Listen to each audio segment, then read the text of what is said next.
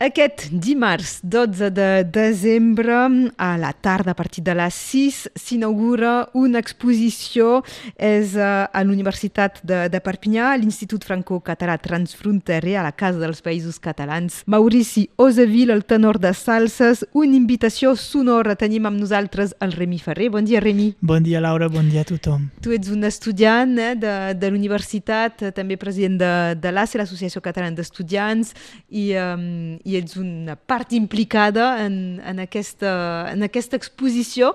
Ens pots explicar com, com es va decidir de fer, de dedicar una exposició al Maurici Ausevila?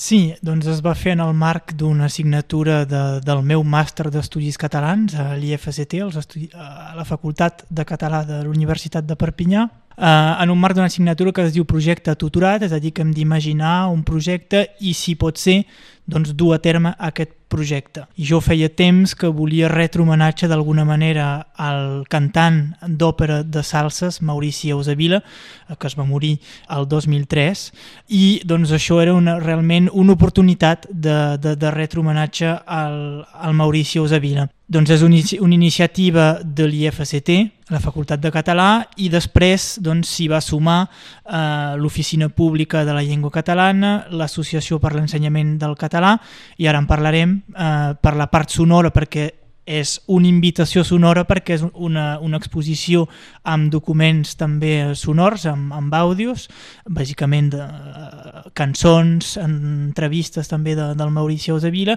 doncs també ens va ajudar per aquesta part el comunicador Esteve Valls amb eh, la seva pàgina al YouTube eh, que es diu Cinglantana Sound en el qual recupera eh, documents, els masteritza eh, i doncs eh, hi ha aquesta exposició que es pot veure fins al 15 de gener potser, si hi ha sort, un poc més? Potser fins a finals del mes de gener. És possible a l'IFCT i és una, una exposició bilingüe, català-francès, sonora, doncs ho hem dit, perquè hi ha un munt de codis QR, és a dir, que la gent podrà escanejar amb el seu mòbil i reenviarà això, els codis QR reenvien a la pàgina Cinglantana Sound de l'Esteve Valls, on hi tenim doncs, eh, enregistraments de l'artista i això vol dir tota la discografia, la discografia completa. Ell va treure tres discos vinils, eh, dos cassets i dos CDs, doncs tot això ho retrobem en línia,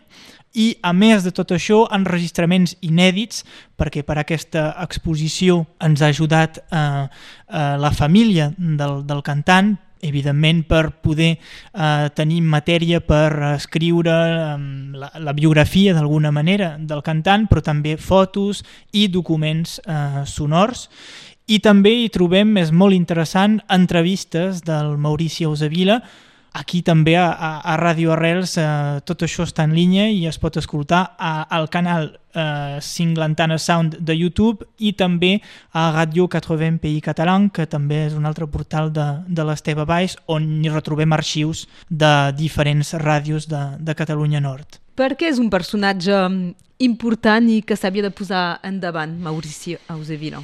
Perquè mm, és un tenor que realment va tenir una, una trajectòria excepcional, és a dir, que en Mauricio Osavila és un vinyater, a l'origen quan és jovenet, és un vinyater, fa el seu servei militar i després doncs, eh, comença a estudiar la música a l'Escola de Música de Perpinyà, encara no era pas conservatori, i se'n va a París, per, i a París eh, al cap d'uns quants anys, entra dins dels cors de l'Òpera de París i s'hi queda més de 25 anys. I per això realment és quelcom de, per un cantant d'aquí, de casa nostra, de Catalunya Nord, és excepcional. I també és interessant la figura de, del Maurici Eusavila perquè quan torna aquí, després de retirar-se del cor de l'Òpera de París, comença eh, una carrera um, en solitari, podríem dir, és a dir, fent de petits papers, donant la rèplica, per exemple, a Luciano Pavarotti, i quan torna aquí a Catalunya Nord canta en català, i és això que a nosaltres, evidentment, ens agrada i, i ens interessa moltíssim. Canta en català, sardanes, però també cants tradicionals, cants també més mm, patriòtics, podríem dir, Um, per tant, és, és realment això que cal recalcar, el, el seu compromís a, amb el català, amb la llengua i la cultura catalanes quan torna aquí, però abans també, quan era més jove, també, um, abans de marxar a, a, a París, eh, també canta en català, treu un disc, eh, per tant, eh, és, fins i tot se sap que la família ens explica, en tot cas, que quan ell torna de París cada any, eh, a, quan torna al país, doncs només parla en català amb tothom, que és important per ell, a salses, de parlar català amb tothom, doncs hi ha, hi ha ben bé aquest compromís per part de, de, del Maurici Eusebila, i és doncs una figura que cal, que crec que hem d'homenatjar i, i aquesta era l'oportunitat eh, de, de fer-ho. Eh, l'any 2003 eres molt jovenet, crec. Sí. Eh, com el vas descobrir tu, doncs, el Maurici Ausevila? Jo amb la família, és a dir, que el meu avi, que era músic, doncs el coneixia i tenia, eh, teníem a casa un CD seu i doncs eh, des de ben petit ressona la seva veu amb cançons com Pel teu amor a Rosó o cançons eh, més patriòtiques com L'emigrant, per exemple, o La mare, també. Són algunes cançons que realment eh, m'agraden molt del Maurici Osavila i que sento doncs, des de ben petit. Des de ben petit. A nivell uh, pràctic, uh, és de la planta baixa de la Casa dels Països Catalans, és això, darrere de l'Olivera? Sí, exactament. És a l'entrada, al vestíbul, doncs trobareu eh, l'exposició, que són sis panells en total, amb text, fotos i doncs els codis QR per escanejar eh, i poder sentir, escoltar la veu del Maurici Eusebila. I eh, quan és eh, accessible aquesta exposició, les hores i els dies? Doncs és accessible mm, cada dia, eh, del dilluns al divendres, perquè és la Facultat de Català i doncs, eh, és obert cada dia, de les 8 del matí cap a les 5-6 de la tarda.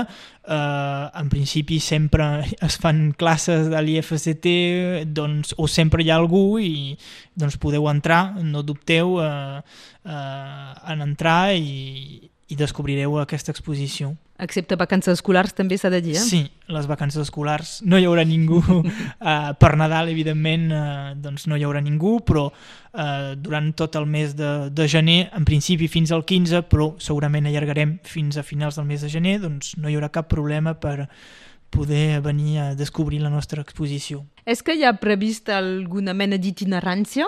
Sí, eh, exactament, perquè és, era la nostra idea també del principi, és a dir, evidentment inaugurar, fer el, el primer vernissatge a, a la Facultat de Català perquè és una iniciativa nostra amb l'OPLC i eh, la PLEC, però la idea és que més endavant eh, doncs, eh, l'exposició pugui trepitjar una mica eh, el territori i que pugui recórrer doncs, eh, diversos pobles de Catalunya Nord.